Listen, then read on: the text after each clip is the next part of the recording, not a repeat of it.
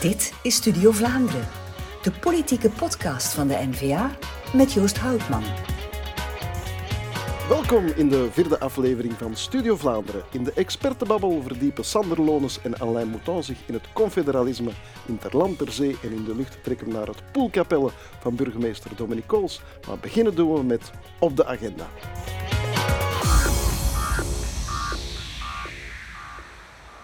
In deze rubriek op de agenda blikken we terug op en vooruit naar de politieke agenda. En dat doen we vandaag met federaal parlementslid en fractievoorzitter Peter de Rover. Meneer de Rover, of mag ik Peter zeggen, want ik heb iets gelezen op je zondagse mijmeringen, dat je daar toch wel wat vragen bij stelt bij het voornaamgebruik. U mag aan mij gij zeggen. Hè? ja, ja, ja. Uh, nee, Jos, dat is. Um, gewoon uh, hetgeen mij bijvoorbeeld stoort, is dat totaal onbekende correspondenten van bedrijven in, in brieven of telefoontjes zo'n vertrouwelijkheid creëren van uh, beste Peter, mm -hmm. dat is dan iemand die ik nog nooit gehoord of gezien heb. En wat me daar vooral in stoort is, als iedereen mij Peter noemt, dan heb ik niet meer de vrijheid om aan vrienden of aan bekenden, hoe zou ik zeggen, die vertrouwelijke vorm nog aan te bieden, want die verliest zijn vertrouwelijkheid. Um, dat je kan zeggen, er mag getutoyeerd worden. Er mag getutoyeerd worden en er mag ook af en toe wel eens het woordje u gebruikt worden. Ja. Ik uh, gebruik dat zelf uh, tegenover mensen die ik niet meteen ken. Het is een kwestie van, uh, van respect, denk ik. Oké, okay, dus Peter. Maar Peter vandaag, ja, ja absoluut. Um, als we eventjes kijken naar, je bent fractievoorzitter, mm. maar waar maakt nu een fractievoorzitter tijd voor als hij een fractietijd vrij heeft? Ja, uh, buiten... Los van de politiek. Ja. Buiten de politiek. Ik ben uh, al levenslang de lezer. Mm -hmm. En um, lezen, dat is iets wat, um, ja, wat, wat, wat een beetje concentratievermogen, zeker voor mm -hmm. mij, vraagt. Ik ben iemand die tijdens een vergadering iets kan lezen. Mm -hmm. Of tijdens een zitting. Uh, er zijn mensen Niet die dan schijnbaar... Dan wil ik daar eigenlijk ruimte voor. Muziek, nog niet eens radio, want dan wordt er gesproken en onmiddellijk begin ik dan te luisteren naar wat er gezegd wordt. Muziek. Um, en dan een klein beetje een, een, een gewijde omgeving. Een gewijde om, om, om, een beetje te kunnen concentreren. Ik ben waarschijnlijk dat soort mensen dat naar buiten kijkt wanneer er een vogeltje langs vliegt. Dus uh, ja. zelfs gordijn dicht beter. Ja, volledig afgesloten. Ja, toch een beetje, een beetje in een leessfeer creëren. Ja, ik haal het al aan, het fractievoorzitterschap. Kan je beknopt uitleggen wat dat eigenlijk juist Ja, dat is uh, in ons geval een binde van 24, uh, een klein beetje coördineren. Um, ook woordvoerder zijn van de fractie. Mhm. Mm -hmm. Maar daarachter zit natuurlijk ook het dagdagelijks werk. We hebben uitstekende medewerkers dat zijn ook personeelsleden, dus je bent ook een beetje personeelschef. Mhm. Mm -hmm. um, en dan uh, ook ingrijpen op het ogenblik wanneer er ergens in een commissie iets onverwacht gebeurt. Ja, uh, dan ben je degene die op dat moment de beslissing moet nemen. Ook de go-between binnen de partij met een partijbestuur en de fractiewerking. Um, dus achter de schermen komt daar uh, aardig wat bij kijken. We zagen je afgelopen week veel voor de schermen natuurlijk, want uh, uh, Alexander de Croo bracht zijn State of the Union, mm. waarop jij dan hebt gereageerd. Jij ontdekte veel valse noten in het Vivaldi-verhaal. Uh, Ik stel voor dat we de Croo ontbloten. Um, nu, um, wat zijn de meest opvallende dingen die je in het verhaal... Uh, kijk Joost, ik denk dat er uiteraard valse noten zijn, maar het muziekstuk heeft vooral veel stiltes. Er vallen grote gaten in Vivaldi zijn, uh, zijn verhaal. En ik denk dat de componist uh, daar niet blij mee zou zijn. Uh, allerhande dingen die echt op, op tafel hadden moeten liggen, uh, daar is men gewoon met elkaar akkoord gegaan dat men geen akkoord heeft. Ik heb het vergeleken met een soort kermiskraan waar iedereen een ballonnetje mocht oplaten en de coalitiepartner mocht die uit de lucht schieten. En op het einde lagen er alleen plastieke velletjes op de grond. Ja, maar je kan toch wel zeggen dat er verzachtende omstandigheden mm -hmm. zijn. Je kan de pandemie moeilijk ontkennen, de energiecrisis, ja. de oorlog in, in Oekraïne.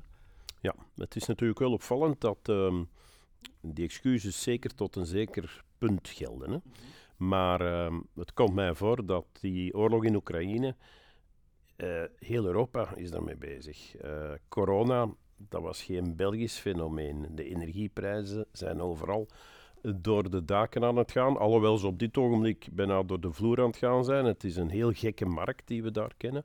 Maar dat zijn fenomenen die Europa-wijd zich voordoen.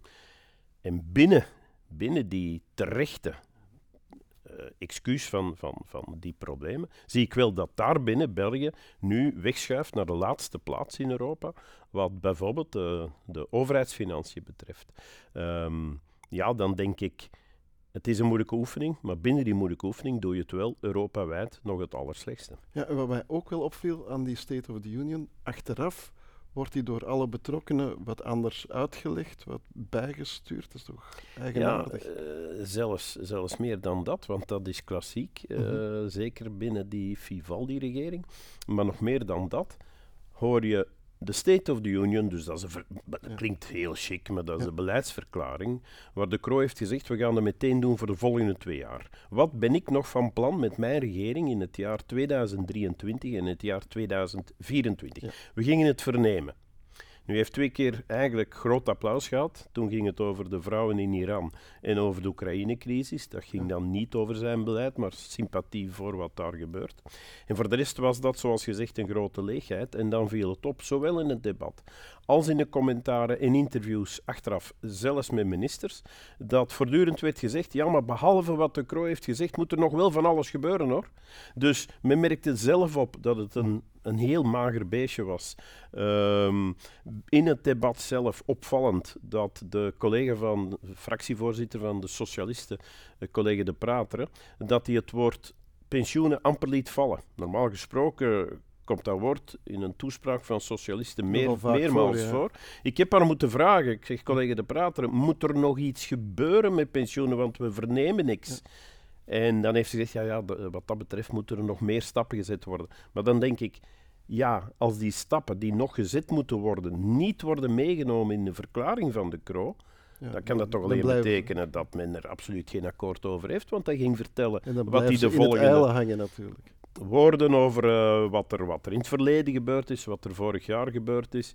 Um, en er zijn over pensioenen bijvoorbeeld muizenstapjes gezet, maar wat blijkt één dag na de State of the Union, dat het plan van uh, de minister van, van Pensioenen, dat dat uh, geen besparing oplevert, of beter gezegd een controle oplevert op de vergrijzingskost, maar in tegendeel die nog met een half miljard binnen enkele jaren gaat verhogen. Terwijl in het regeerakkoord staat, wij moeten die vergrijzingskost controleren, onder ja, controle houden. Ja. En de weinige dingen die mevrouw Lalieu, die trouwens in de hele 18 uur debat zich niet heeft vertoond in het parlement. Ja, zoals op pensioen. Ze was uh, ja, misschien aan het rekenen, maar dat het weinige dat ze doet, dat dat de factuur nog verhoogt. Het omgekeerde wat eigenlijk moet gebeuren. Ja, als we het over pensioenen hebben, dan hebben we het eigenlijk ook over de, de arbeidsmarkt en hoe uh -huh. die wordt ingevuld. Ook daar zit het niet echt de grote hervorming. Heel weinig gehoord. Um, de regering heeft zelf gezegd, wij moeten naar 80% uh, activiteitsgraad ja. gaan. Dat komt eigenlijk is dat een win-win-win situatie. Iedereen die van een uitkering naar een job gaat, één, normaal gesproken verdient die meer. Ja. Dat is een koopkrachttoename. Twee, die betaalt meer belastingen. Ja. Waardoor de belastingsinkomsten verhogen. Niet door de belastingen te verhogen voor de mensen zelf, maar het aantal mensen te vermijden dat belastingen ja, betaalt. meer in de pot natuurlijk. En ten derde, uh, verminderen de uitkeringen. Ja. Niet door de uitkeringen te verlagen, maar door het aantal mensen ja. te verminderen. Kortom, daar is eigenlijk iedereen het over eens. En de regering eigenlijk zegt, een no-brainer. Ja. En, iedereen, en de regering zegt, we gaan dat ook doen. Nu, in Vlaanderen zitten we momenteel wat dat uh, betreft aan 75 procent, ja. dicht bij die 80. Die nog is haalbaar. Ja. In Wallonië en Brussel is dat 65. In Wallonië is dat het voorbije jaar nog afgenomen. Mm -hmm. Nog afgenomen met een procent. En dan denk je, ja, wat gaan jullie dan concreet doen? Uh, toevallig of niet, maar het is natuurlijk niet toevallig, ligt dat in handen van de minister van de PS. En um, ja, qua activering, dat is niet het eerste waar die mee wakker, van wakker liggen. Uh, die heeft uh, daar een arbeidsdeeltje afgesloten voor de zomer, waar elke specialist heeft gezegd, dit volstaat niet. Wat is daaraan toegevoegd? Beetje flexibilisering en, god betert, een verruiming van de studentenarbeid. Ja, het zijn de studenten, los van de discussie mm. daarover. Het zijn natuurlijk niet de studenten die het probleem van de arbeidsmarkt moeten oplossen nee, en het ook niet zullen oplossen. Ja. Dus ook dat was de grote leegte. Ja. Als we nu kijken naar de mensen die ondertussen wel werken en die hun lonen worden geïndexeerd, Ja. wat, wat, eh, wat leuk is natuurlijk voor alle betrokkenen, maar wat niet wordt geïndexeerd zijn de belastingschijven. Het is te zeggen, die worden wel geïndexeerd, maar één keer per jaar. Ja. Dat gebeurt dus zeg maar in januari. En wanneer je een jaar hebt met weinig indexatie, met een lage inflatie, bon, laten we zeggen dat dan het verschil erg klein is. Maar wij hebben vandaag meerdere indexsprongen in de loop van het jaar met een zeer hoge inflatie. Nu moet je goed weten, uw loon wordt verhoogd nominaal in getal, maar dat, die verhoging zit in uw hoogste belastingsschijf. Dus je betaalt daar uw maximale belastingen op. En ik heb het enkele maanden geleden al aangekaart, eh, maar gelukkig is er daarna een hoorzitting geweest met experten. Hè. Het is altijd prettig als je je achter een expert kunt verschuilen. En dat was meneer De Feit, nog ooit oprichter geweest van Ecolo zelfs. Eh, en die heeft het berekend voor mensen met een laag eh, middeninkomen. Ehm, die verliezen 500 euro door die niet-indexering, de niet-aanpassing van die belastingschalen, per jaar van hun zogenaamde koopkrachtondersteuning door de index. Voor een koppel is dat meer dan 1000 wanneer ze kinderen hebben. Wel, eh, de regering die neemt dus eigenlijk in de feiten 1000 euro van uw zogenaamde koopkrachtondersteuning weer af op een manier die niemand voelt en ziet. Ja. Want dat, is, dat, niet staat, niet op, dat, gebeurt, dat- dat natuurlijk. staat niet op uw brief. Er is geen persconferentie van geachte mensen. We gaan u daarvan 1000 euro afpakken. Ja. Dat wordt niet verteld. Ehm, en ik heb dus aan, aan eh, de minister van Financiën, van PTM, gezegd: U krijgt dikwijls het verwijt dat u niks doet, Ja. maar door niks te doen, verhoogt u de belastingen van de mensen. Doe daar iets aan. Wij hebben een wetsvoorstel ingediend, dat trouwens vandaag wordt ingeleid in de commissie Financiën, eh, maar de regering is eh, van die kant doof. Waar de regering niet doof voor is, is de, de oproep om politici, om ministers, Mhm. misschien iets minder te laten verdienen. Die lonen worden niet geïndexeerd, maar ik ben niet zo'n grote believer van die besparingsplannen. Eh, voor alle duidelijkheid, eh, een niet-indexering van eh, onze lonen, daar kan ik best mee leven. Maar ik denk dat het grote probleem dat de publieke opinie heeft met politici niet zozeer het loon is, Mhm. maar hebben ze loon naar werken? Ja. En ik denk dat daar eigenlijk een grotere vraag is. Trouwens, het gaat over symboliek, want het brengt eh, relatief weinig op. Wat wel toch wel zwaarder zou doorwegen, dat is een ingreep in bijvoorbeeld de partijfinanciering, Mhm. waar wij voorstellen hebben ingediend om die niet te indexeren. En toen werd dat weggelachen, boah, 2%. Maar ondertussen met de index die we vandaag kennen en die inflatie, zou dat al een enorme besparing zijn. Altijd weggestemd. Uiteraard het afschaffen van een senaat is Ja. een voor de hand liggende zaak. En ook het aantal politici, beroepspolitici, verminderen. Want wij hebben te veel politici. Als je dat dus optelt, dan is dat buitensporig. Ook daar eh, wensen wij dat terug te schroeven. Ik ben dus benieuwd of de andere partijen, dat zijn eigenlijk veel structurele maatregelen, Die veel meer impact zouden die hebben. veel meer impact hebben dan ehm, een beetje de, de, het shoutje rond die 8% van die ministers. Over show en, en symboliek gesproken, eh, de regering maakt gewag van de cash cow bij uitstek, de overwinstbelastingen op de Ja. energiebedrijven. Kijk, eh, het woord overwinst is heel moeilijk, want is er dan ook een onderwinst? Ja. Gaat, gaat de overheid dan aan Compenseren, ja. dat compenseren? Dus moet je mee opletten. Maar laten we eerlijk zijn, er zijn omstandigheden gecreëerd waar de markt, de energiemarkt, eh, eigenlijk geen echte markt meer is. Want een echte, goede, vrije markt werkt ook volgens bepaalde principes. ja Die zijn vandaag verbroken. En dan zijn er echt wel bedrijven die buitensporige winsten maken, die niks meer te maken hebben met hun activiteiten of met hun concurrentiekracht, maar alles te maken met toevalligheden. Ehm, dat daar wordt eh, naar gekeken, dat is denk ik een goede zaak. Maar je moet wel opletten dat je dat op Europees niveau doet. Er zijn een aantal Europese afspraken gemaakt. Ehm, ik denk wel dat de opbrengsten daarvan eh, niet moeten overschat worden. Want mevrouw Van der Straten die heeft daar getallen op gekleefd. Uh, maar heel snel hebben de coalitiepartners opnieuw binnen de regering onder meer minister van Financiën van PTM gezegd: ho, ho, ho, uh, dit is een beetje met dubbel krijt schrijven. Dit, uh, dit gaat echt niet opleveren wat jullie ja, en de publieke opinie gaat natuurlijk verder op die cijfers. Wel, uh, ik denk dat ministers en, en politici in het algemeen heel erg moeten opletten dat zij ehm, getallen noemen. Mevrouw van der Straat is daar heel goed in, is daar eigenlijk heel slecht in. Ze noemt getallen en daarna blijkt dat dat niet lukt. Ik denk dat ook eh, minister Van Petegem met zijn uh, belastinghervorming moet opletten dat hij daar concreet getallen neerlegt. Want als je die dan niet haalt, dan zegt natuurlijk de publieke opinie je hebt gefaald. En je moet mensen ook niet voor al te simplistisch nemen. Uh, je moet ze enerzijds gek maken en dan anderzijds met een dode mus uh, wandelen sturen. Het is terecht dat de publieke opinie zich eraan stoort. Ja, want uh, Bart Wever schrijft het in zijn, in zijn nieuwsbrief, zijn laatste nieuwsbrief ook, die fiscale hervorming, ja, die levert veel minder op dan, dan dan beloofd is. wellicht, en dus uh, als, als meneer Van Petegem geen getallen had genoemd, hm. ja, dan denk ik dat hij al uh, een veel makkelijker verhaal had kunnen vertellen. Want een fiscale hervorming op zich, daar zijn wij aan niet tegen. Johan van Overtveld heeft er bijvoorbeeld ja. een, een taxshift doorgevoerd. Um, maar je moet natuurlijk wel opletten uh, hoe je die verschuiving ehm, plaatst. En vooral de eerste vraag, en die wordt nooit beantwoord. Ik heb ze ook gesteld aan Van Petegem. De eerste vraag blijft: waar ligt het maximum wat jullie bij bedrijf en publieke opinie, waar ligt het maximum als overheid dat je daar gaat halen? Ja. Want blijkbaar is er nooit geen maximum. En bij elke ronde zijn er toch weer, weer een paar belastingen die men een derde van de inspanningen worden. Maar die, dat een derde komt natuurlijk bij een gigantische hoeveelheid belastingen die er al bestaan. Die er al en dus uh, als we nu eens eerst zouden afspreken, meer dan zoveel procent nemen we niet af. En dan gaan we kijken hoe we dat gaan verdelen. Uh, maar die eerste vraag wordt nooit gesteld. En dat is een beetje onze angst, dat men nieuwe belastingen invoert met ventieltjes die men steeds verder en makkelijk kan opendraaien. Ja. Men rikt het elke keer een beetje op. Men rikt het altijd op en uh, de totale belastingheffing uh, die, uh, die neemt dan toe. Bovendien, uit wat we vandaag uit de plannen, want het zijn maar plannen, hè, ook daar is de Kro op de State of the Union komen vertellen over de grote belastinghervorming.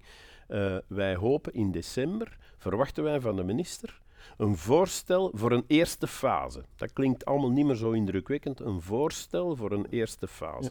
De eerste documenten zijn nu uitgelekt van de kant van meneer Van Petegem. Er is onmiddellijk op gereageerd door andere partijen. Ja, maar dit zal het niet worden, dus ik ben eens een keer benieuwd. Ja, um, welk voorstel wordt het dan? Hè? Welke welk, wel, wat gaat er dan? Gaat er iets uitkomen en wat zal er uitkomen? Uh, omdat hij natuurlijk toch wel moet opletten dat hij.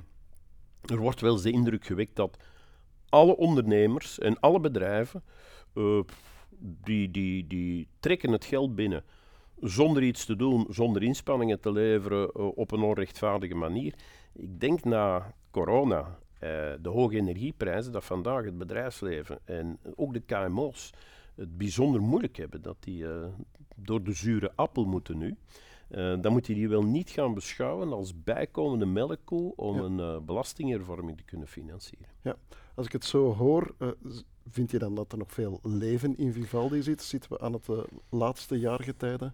Ja, ja, maar het eerste jaargetijde heb ik, heb eigenlijk nog niet veel mooie muziek gehoord van deze Vivaldi. En um, 38 uur hebben ze daar onderhandeld om elkaars voorstellen af te schieten. En dan mm -hmm. op het einde van het verhaal met iets af te komen, wat ik heb gezegd. Eigenlijk is de samenvatting, we doen niks, maar het kost wel veel. Uh, want uh, premier De Croo was vermoeid en dat is normaal na 38 uur. Ja. Maar hij gaf op mij ook een bijzonder uitgebluste indruk. En het feit dat in het debat weinig meerderheidspartijen de verdediging hebben opgenomen van de regering, maar in ruil daarvoor vooral de NVA hebben aangevallen. Want het was een voortdurende aanval op de ja. NVA als schijnbaar een toch wel het centrum van, van het politieke uh, gebeuren. Ja. Voor mij allemaal niet gelaten. Uh, ik ben blij dat de NVA het criterium is om zich op te baseren. Maar dat wil wel zeggen dat ze zelf allemaal wel door hadden dat ze nog weinig verhaal hebben.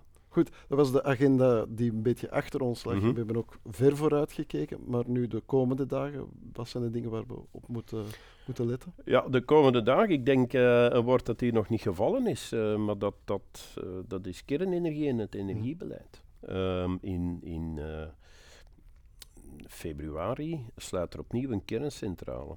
En wij hebben de problematiek van de kostprijs, maar we hebben ook de problematiek van het aanhouden van, van het licht en uh, de betrouwbaarheid van de levering. En wat dat betreft uh, is deze regering natuurlijk heel improvisatorisch bezig. Je kan inderdaad een kerncentrale niet de dag nadat het gestopt is terug aanzetten nee, alsof het een koffiezetapparaat is.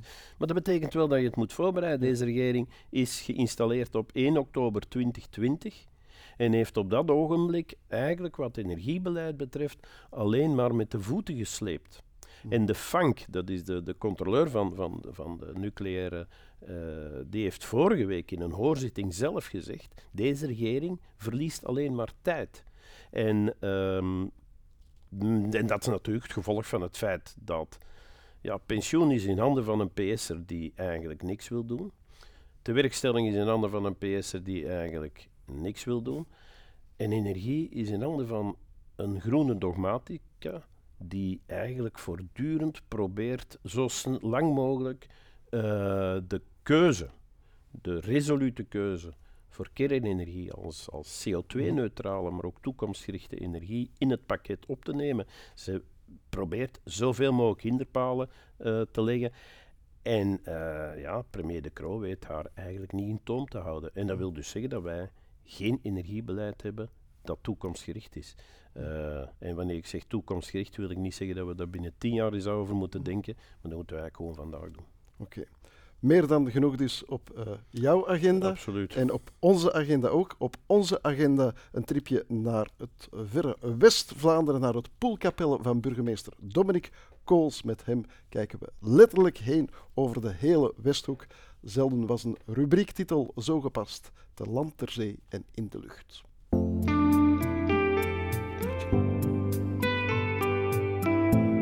We zitten hier alvast in de lucht. We zitten in, uh, op uh, Langemark, op de kerktoren van Langemark. Ik ben ondertussen burgemeester geworden in Langemark Poelkapelle.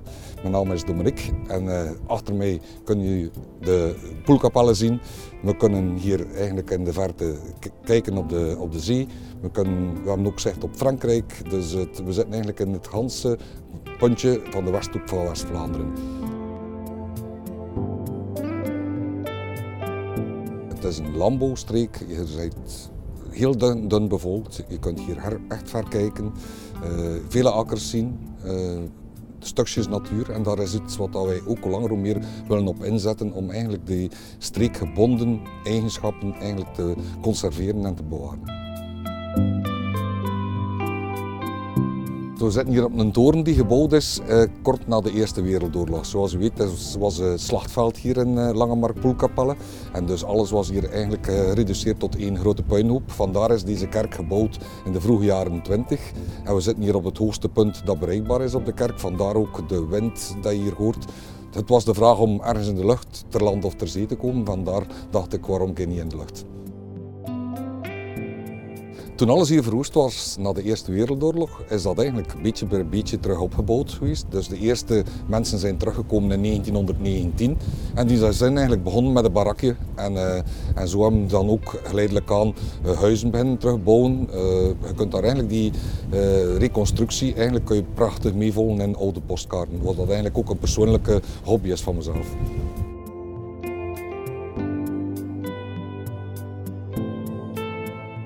We hebben hier een speciale tocht in onze gemeente die genoemd is naar Bakeland. We heten dat het Bakeland Mysterie. Dat is een zoektocht wat dat eigenlijk de weg zelf zoek is. Dus je start, maar je weet niet langs waar dat je kunt passeren. En het is een zoektocht die je leidt langs de mooiste plaatsjes in onze gemeente, die eh, meestal te maken hebben met, uh, met natuur.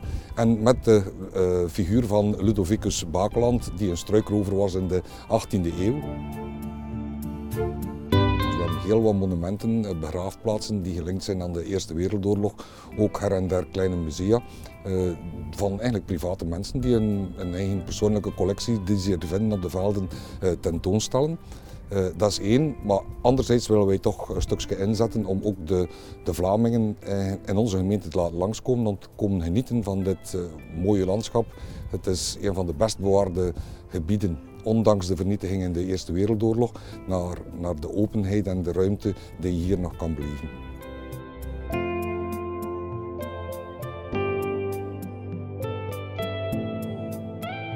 Ik word regelmatig geïnformeerd door eh, onze politie over, over wat dat er eigenlijk eh, bij hen allemaal passeert. En ik kreeg de melding dat er een lijk aangetroffen werd. Dus ik dacht, oei, is er hier nu, wat is er gebeurd? En ik dacht, is dat een moord of zo? En, nee, en dan zei de politiecommissaris mij, nee, het is een moord van 100 jaar geleden. Dat is een soldaat dat men nog op vandaag teruggevonden heeft en, en terug kan tracen van wie dat was en, en tot welk regiment dat hij gediend heeft. Een van de evenementen die wij hier eigenlijk uh, nu proberen te initiëren en, en, en proberen eigenlijk uh, rugbaarheid aan te geven is ons koffiefestival. Dus uh, we zijn in de Westhoek en dat is niet enkel in onze gemeente, maar wij zijn hier mensen met hoesting. Hè, met hoesting en dat betekent dat wij graag eten en drinken. Vandaar dat wij eigenlijk hard inzetten op onze gemeente dan op koffie. Hè. Dus we hebben ons koffiefestival en, en dat is absoluut een aanrader voor iedereen die houdt van koffie om een keer langs te komen op ons koffiefestival. Dat is eigenlijk een festival waar je eigenlijk op allerhande manieren ziet op welke manier een koffie verwerkt wordt. We hebben bijvoorbeeld bier met koffie, taarten met koffie, allerhande pralines met koffie. Dus allerhande eh, eigenschappen en eh, producten waar dat er koffie in verwerkt wordt, komen hier naar bod op ons festival. Het bier met koffie. Volgens mij was dat een product wat al eigenlijk wansmakelijk is, maar wat ik toch eigenlijk echt van genoten heb. Dat moet iedereen een keer komen proberen.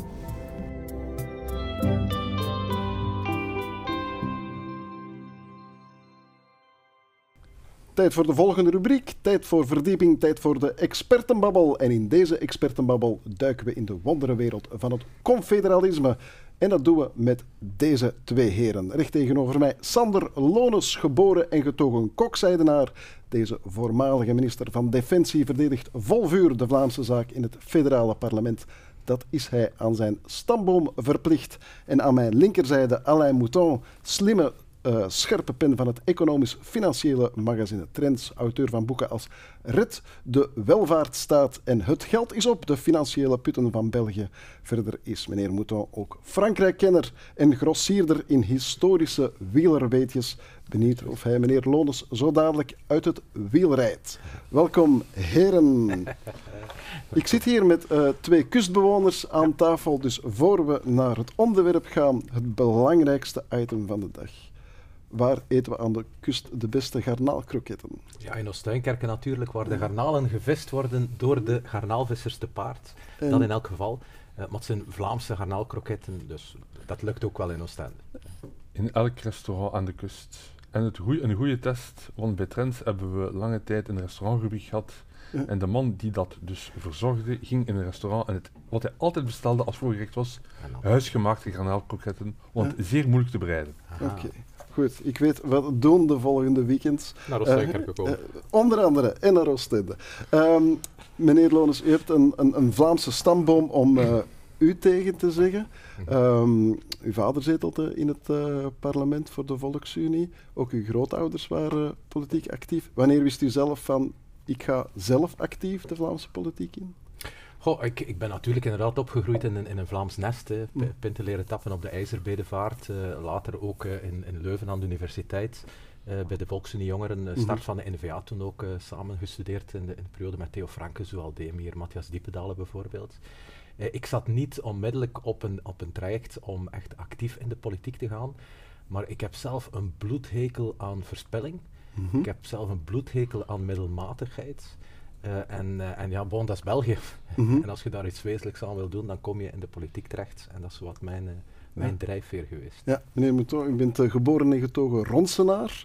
Ja, dat is aan of op de taalgrens. heeft jouw kijk op Vlaanderen, heeft dat jouw kijk op Vlaanderen beïnvloed? Ja, want een groot deel van mijn leven heeft zich effectief op de taalgrens afgespeeld mhm. tot voor recent. En ik heb ook aan de twee kanten gewoond. Ik ben geboren in Rotterdam zo geweest, maar ik ben ook aan de twee kanten gewoond. Dus ik ken eigenlijk tamelijk goed de, de, de situatie. Mhm. En uh, ja, we spreken natuurlijk van een aantal decennia geleden. Toen lag de focus wel eerder nog op de taalkwesties, terwijl mhm. dan nu de discussie, ja, ook voor mijn professionele meer in economische richting is geëvolueerd. Ja. Uh, als we spreken over spanningen, ja. Vlamingen en Franstaligen. Oké, goed. Uh, over naar het onderwerp van vandaag, het confederalisme.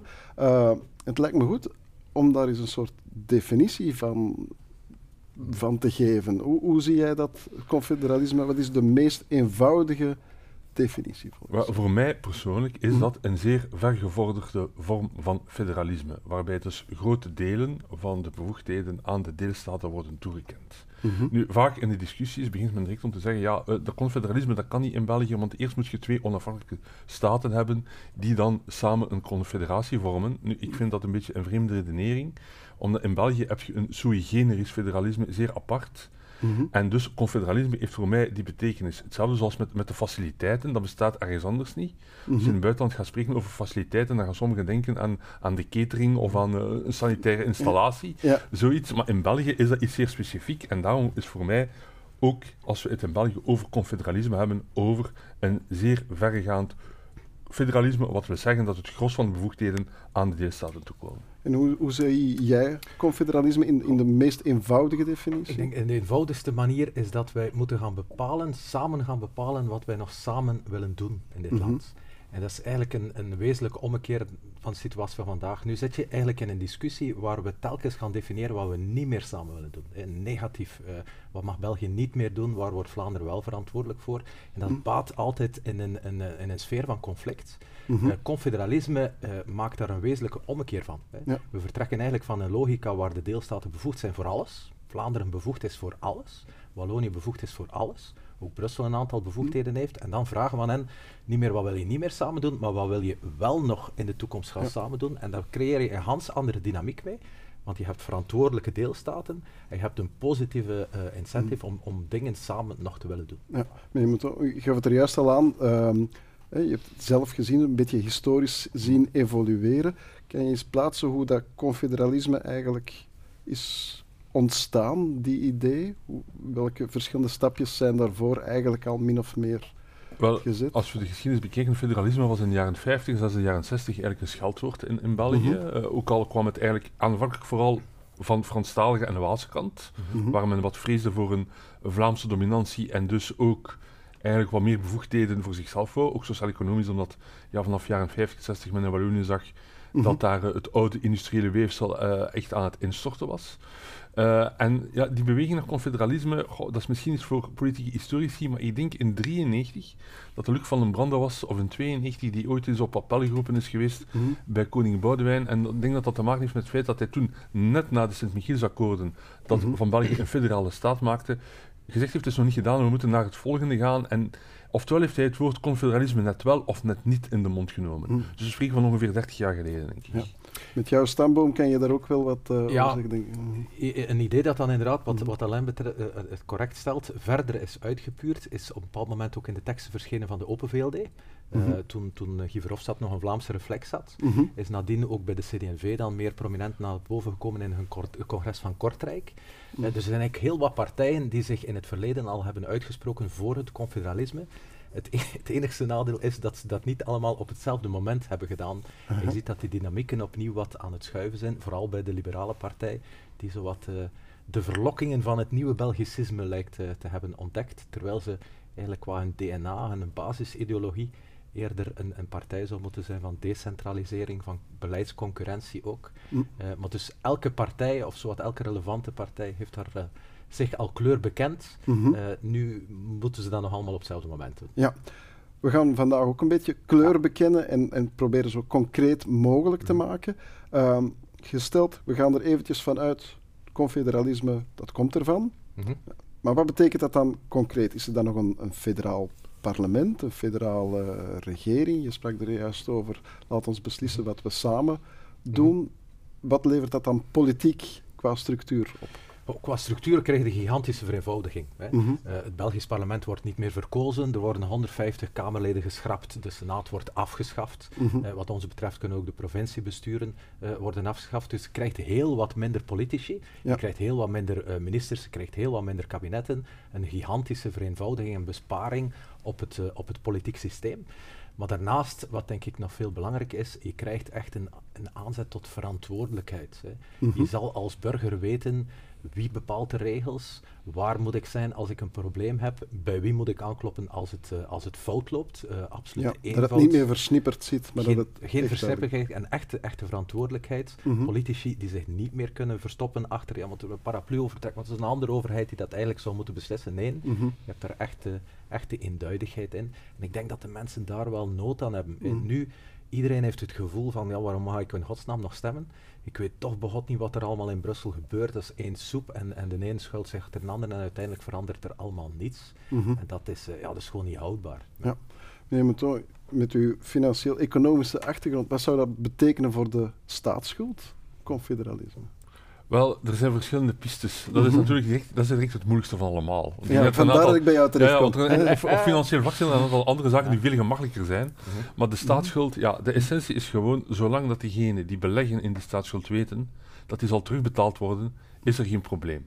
-hmm. Dus dan zijn er verschillende mogelijkheden. Oftewel gaat men vanuit de confederatie zeggen van oké, okay, we gaan de bestaande Belgische staatsschuld uh, langzaam aflossen en daarnaast ontstaan er regionale staatsschulden. Ja.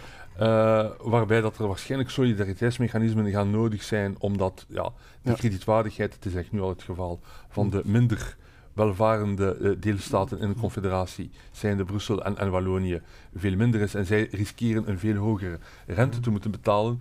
Dus dan zit je al direct bij een systeem waarbij er echt wel een duidelijk signaal van solidariteit met verantwoordelijkheid zal moeten komen, komen van Vlaanderen. Mm -hmm. Dus dat wordt het zeer moeilijke. Uh, ik denk dat er een aantal pistes al in het verleden zijn geweest met bepaalde bevoegdheden die overgedragen zijn naar de deelstaten. Dan was het nu rond huisvesting.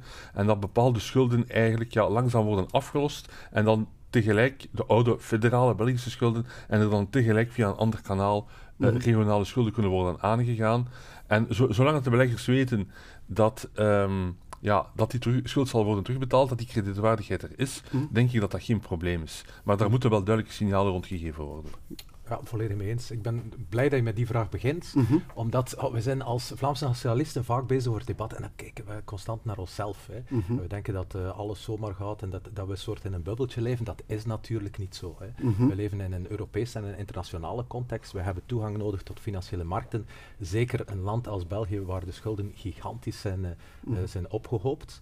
Uh, en dat is een, uh, wij moeten af van die naïviteit. Hè. We moeten oplossingen hebben voor dat probleem. En dat is de reden waarom wij in 2014, toen wij anderhalf jaar mm -hmm. bezig geweest zijn om ons confederalisme uit te denken, we hebben het trouwens gedaan met grote consultancybureaus, ook internationale advocaten, financiële experten, dat dat een van onze belangrijkste issues geweest is. Hoe gaan we die staatsschuld aanpakken, zodat we één kunnen doen wat wij intern willen, mm -hmm. die de facto splitsen, maar twee, we dat kunnen doen op een manier dat dat internationaal vertrouwen biedt. Hè. Ja. Dat, uh, dat je signaal geeft aan die internationale markten van we weten waar we mee bezig zijn, geen paniek, uh, alles komt in orde, uh, we zullen zorgen dat, het in, in, dat dat goed wordt aangepakt. Dat is trouwens een van de grote problemen van de Catalaanse kwestie geweest. Ze hebben daar bijzonder weinig aandacht aan besteed. Mm -hmm. Ze hebben hun onafhankelijkheid benaderd vanuit een democratisch perspectief. En misschien maar niet vanuit emotioneel. Een, maar niet vanuit een financieel-economisch mm -hmm. perspectief. Dat, die naïviteit hebben wij niet. Ja. Dus dat hebben we in detail uitgewerkt. We hebben daar een, uh, de meest zekere financieringsbron tegenovergesteld, wat, wat de BTW is, wat een technisch punt.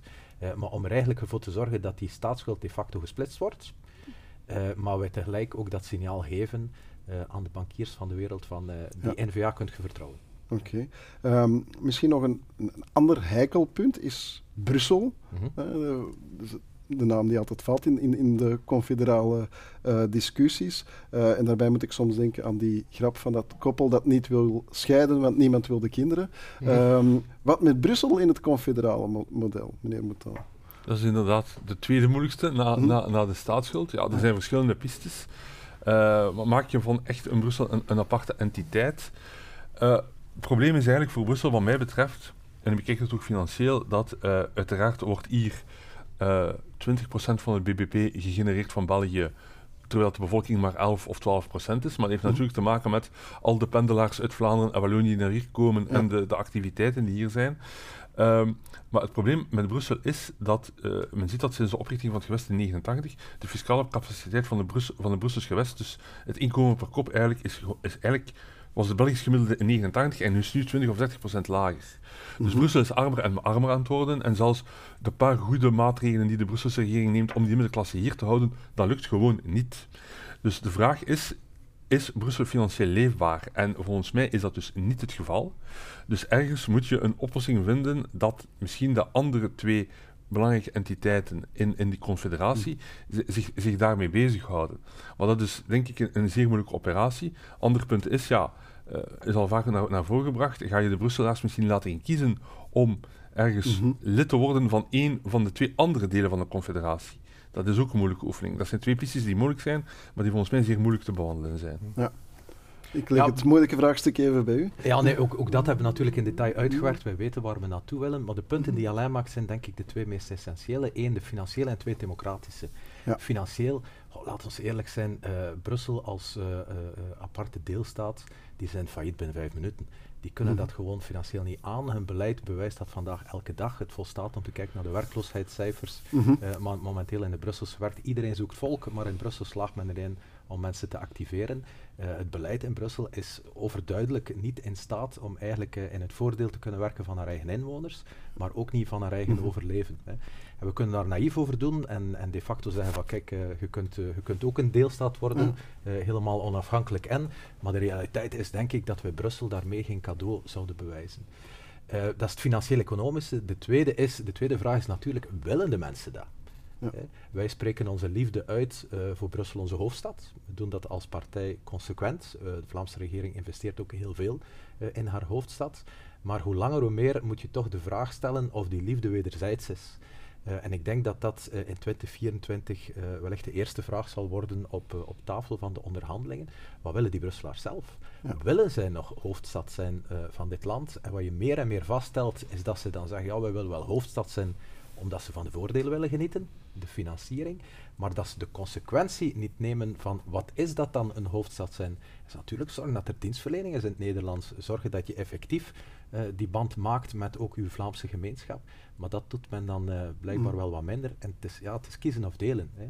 Eh, en dus eerder dan wij die onze oplossing moeten aanreiken wat we hebben, technisch helemaal uitgewerkt, denk ik komt de, de vraag eigenlijk te liggen van wat, wat willen die Brusselaars zelf? Willen zij hoofdstad zijn of willen ze dat niet? En zijn ze bereid om de consequentie van, van hun keuze eh, te nemen? Als ze geen hoofdstad meer zijn, zullen ze het ook zelf moeten doen. Ehm, we hebben het nu over de praktische gevolgen van het confederalisme eh, voor Brussel, voor de staatsschuld. Maar wat zou dat voor de gewone man in de straat, voor, voor mij, voor u, dat confederaal model betekenen? Wat verandert er dan voor ons? Je sprak over meer eenduidigheid in, in het beleid, dat je Mhm. meer weet wat daar, eh, wie waarvoor bevoegd is. Maar voor de rest, hoe zouden wij dat voelen? 80% van de Vlamingen wil dat de kerncentrales open blijven. Vandaag gaan ze toe. Als wij zelf bevoegd zijn voor die materie, dan houden we ze open. Eh, de overgroot overgrote meerderheid van de Vlamingen wil een strakker migratiebeleid. Vandaag krijgen we eigenlijk de facto een open grenzenbeleid gecombineerd met een open eh, sociale zekerheid. De Vlamingen willen dat niet. Als we daar zelf voor bevoegd zijn, dan Mhm. kunnen we dat zelf gaan wijzigen. Het eh, beleid rond, rond sociale zekerheid, werkloosheidsuitkeringen.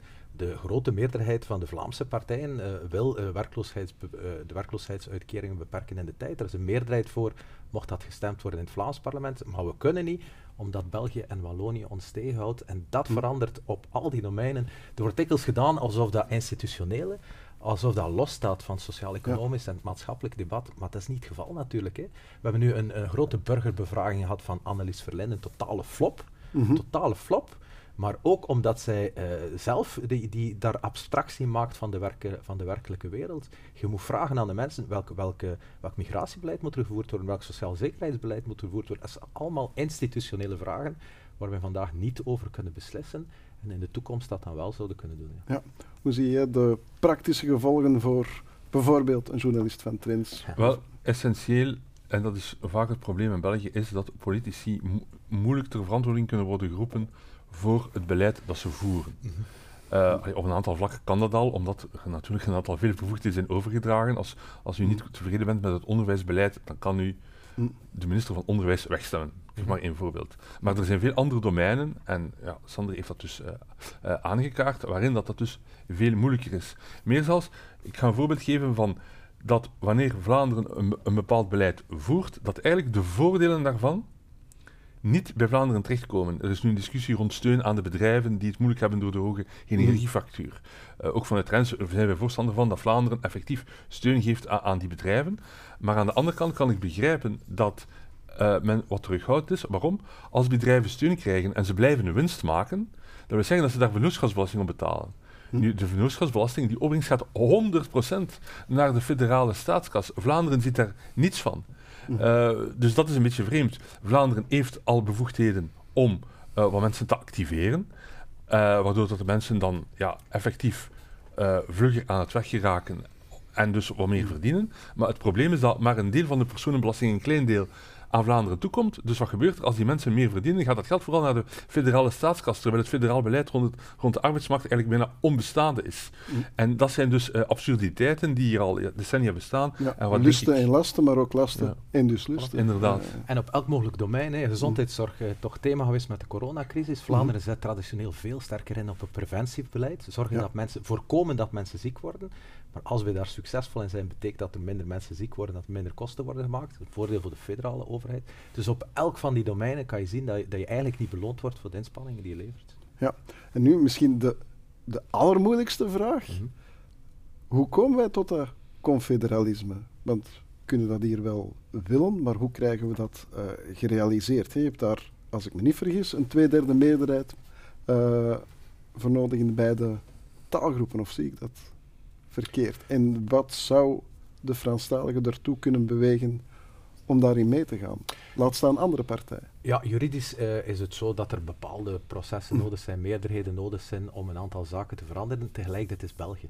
Mhm. Uh, als in dit land uh, politiek iets gewenst wordt, dan wordt er altijd een manier gevonden om dat op te lossen. Dat is in het verleden ook gebleken. Ik ben zelf jurist mhm. en er zijn wel wat creatieve juridische mogelijkheden om, om zeer, zeer belangrijke stappen vooruit te zetten. Je kan mhm. bijvoorbeeld de hand sociale zekerheid splitsen zonder bijzondere meerderheid, om maar één, om maar één voorbeeld ja, je wil zeggen dat het niet de facto onmogelijk is, wat vaak wordt beweerd. Nee, wat denk ik veel belangrijker is, is de democratische vraag. Hè. Hoe krijgen we mensen overtuigd om te stemmen voor partijen die eindelijk orde op zaken willen zetten, die eindelijk zeggen, ja, die middelmatigheid, dat moeten we er echt vanaf. En ik denk daar, ik wil refereren naar een van de boeken van Alain, Het geld is op. Mhm. En ik denk dat uh, dat uh, wel eens de belangrijkste hefboom uh, zal blijken te zijn in, in 2024 bij de volgende verkiezingen. Waarom? Het geld was al langer op. Dit is, dit is België. Hè. Slecht beheer mm. tot en met. Je kunt dat misschien iets beter besturen, maar uiteindelijk blijft dat middelmatig. Maar wat je ziet is dat het geld nu echt op is. Niet alleen bij Wallonië, uh, maar ook bij de Vlamingen. Uh, en ik zeg het nogal uitgesproken, omdat het zowel is bij de instellingen als bij de personen. En dat is nieuw. Dat is eigenlijk nieuw. In het verleden hebben we telkens gezien dat bijvoorbeeld de Franse gemeenschap extra financiering nodig had, dat Wallonië extra financiering nodig had, dat ook België de facto wat uh, geherfinancierd moest worden. Uh, maar dat wordt nu gecombineerd met een verhaal waar ook de burgers, de Vlamingen, degene die de belastingen aan het feestje mogen betalen, dat ook bij hen het geld op is. En dat zou wel eens een zeer belangrijke hefboom kunnen zijn om mensen te overtuigen om te zeggen, ja, nu is het genoeg geweest. Hè. Het geld is effectief op het is tijd voor iets anders. Ja, het geld is op. Jij schreef er een boek over, dus... Wel ja, Sanne zei het al, het probleem ook met de voorbije staatshervormingen is dat eigenlijk dat altijd voor een deel een bail-out of een reddingsoperatie was van een bepaalde overheid. Hè. In 2001 was dat dan voor de Franse gemeenschap met Franstalig onderwijs dat bijna failliet was. Eigenlijk in 2011 was dat een redding van de federale overheid die dus bevoegdheden overdroeg naar Vlaanderen en Wallonië, maar niet alle middelen. En Brussel kreeg nog een keer geld erbij. Dus dat was toen een, een soort van reddingsoperatie voor dat niveau. Ja, we, we, merken, we voelen nu al aan dat bij een volgende staatshervorming dat men eigenlijk aan Franstalige kant opnieuw een soort van reddingsoperatie wil. Maar het probleem is dat op bepaalde momenten uh, dit uh, zo'n aantasting is van de welvaart van de rijkste regio in het land Vlaanderen, dat dat eigenlijk niet, niet langer houdbaar is. Ja. Um, en tot slot, wat doe je met de kritiek dat, dat confederalisme eigenlijk maar een heel flauw afkooksel is van Vlaamse onafhankelijkheid? Daar uh, geef ik graag onze brochure aan, uh, aan de mensen die dat beweren. Uh, ik nodig iedereen uit om onze teksten eens goed te lezen. En dan zal je vaststellen dat ons confederalisme niet alleen technisch goed is uitgedacht, maar ook behoorlijk vergaand is. Hè. In ons model wordt Vlaanderen bevoegd voor alle bevoegdheden. Beslissen wij zelf om samen te werken, bijvoorbeeld op het vlak van defensie. Uh, bijvoorbeeld op het vlak van een aantal uh, begrotingsregels voor de, voor de begroting, maar niet uh, economisch mm. beleid. en dan hier en daar uh, wat kleine uh, stukjes en brokjes die gebetoneerd worden. Ik zeg maar wat de afbetaling van de staatsschuld, een zeer belangrijk thema, maar waar eenmaal de keuze is gemaakt, eigenlijk geen beleid meer rond kan worden gevoerd. Dus mm. alles zit eigenlijk, of zo goed als alles zit wel uh, in Vlaamse handen wat, wat ons betreft. Mm -hmm. het zal aan ons zijn om te bepalen of wij nog willen samenwerken met, met andere regio's en hoe wij dat dan op de meest efficiënte manier doen. Hoe zie jij het? Wel, uh, ik denk dat die operatiepolitiek zeer moeilijk zal zijn. Het hangt af ook van de uitslag van de verkiezingen. Allee, ja, ik denk dat uh, aan Franstalige kant heb je toch een, een, partij zoals de Partij Socialist, die ik denk op bepaalde momenten toch nog altijd regionalistisch is ingesteld. Mm -hmm. Die zelfs nu eigenlijk geen voorstander meer is van samenvallende verkiezingen. Het probleem is dat de andere partijen aan Franstalige kant dat, dat, dat dat veel moeilijker ligt. Maar er bestaat in België natuurlijk een zekere uh, historische creativiteit. Zoals je zegt, dat men niet altijd die kanalen moet bewandelen. Ik denk de oude manier van een, een staatshervorming, uh, dat dat eigenlijk weinig zin heeft. Dus dat men eigenlijk naar iets nieuws moet gaan. Wat ik zeer interessant vind om wel in de gaten te houden, kan een tip zijn aan alle, aan alle kijkers en luisteraars. Uh, is om eens goed de, de Franstalige media te volgen. Hè, mm -hmm. En te kijken wat daar allemaal gebeurt. En daar gebeuren effectief wel bijzondere, bijzondere zaken. We hebben nu een uh, PS-vicepremier, meneer Dermagne, die zegt dat hij regionalistischer wordt hoe langer dat hij in de federale regering zit. Hij wordt mm -hmm. radicaler, hè, Walser. Hè. Mm -hmm. We hebben uh, een Waalse minister-president, Elio Di Rupo, die momenteel oproept om de Waalse identiteit terug vorm te geven. Ja. Dus die, ook daar voelen ze aan dat er een, dat er een kentering zit aan te komen. Het is nu aan ons natuurlijk om, om te zorgen dat die er effectief komt. Oké. Okay. Het voordeel van een expert is dat hij lekker bij een expertenbabbel in de diepte kan gaan. Het nadeel is dat we nooit uitgepraat raken. En dat al zeker niet over confederalisme. En dat al zeker niet met Sander Lones en Alain Mouton, mijn gasten. En vooral volg deze mensen op de sociale media. En lees van Alain Mouton zeker zijn boek over Frankrijk. Alors, waarom de Fransen zo Frans zijn. Dat hij samen met Joost mag weten wie schreef. Dit was de vierde aflevering van Studio Vlaanderen. Ik bedank mijn gasten Peter de Rover, Sander Lones, Alain Mouton en Dominique Kools. Tot een volgende Studio Vlaanderen.